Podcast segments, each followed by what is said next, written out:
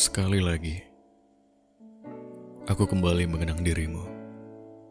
Menata binar matamu yang terbengkalai di sepanjang jalanan ibu kota. Menyusun gelak tawamu yang hampir saja retak di tiap sudut jagat raya. Izinkan aku mengenang dirimu. Menyusun kembali masa lalu yang terbang tersapu perpisahan. Memutar ulang cerita yang kita sebut sebagai kenangan. Tunggu. Berbicara kenangan, selalu tak jauh dari kata rindu.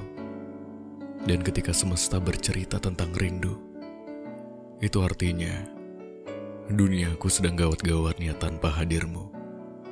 Sekali lagi, aku hanya ingin mengenang dirimu. Bagaimana sebuah sapa berubah menjadi tawa, dan bagaimana cinta berubah menjadi luka.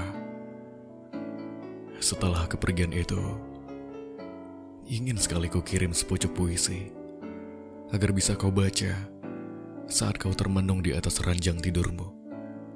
Namun, aku lupa kita tak lagi bersama.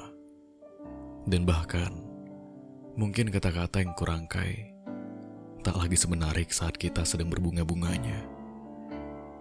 Satu hari setelah kau memutuskan memulai lembaran tanpa hadirku, aku masih mengharapkanmu.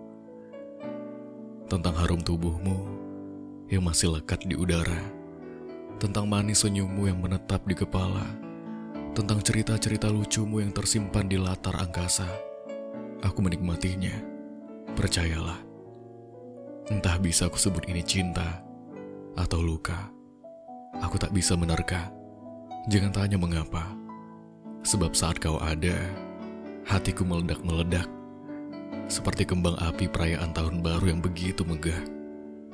Sekali lagi, aku hanya ingin mengenang saja. Ini bukan pertanda bahwa aku tak bisa menerima kau melangkah dan berdampingan dengan sesiapa saja. Sungguh, aku tak apa. Berbahagialah di sana.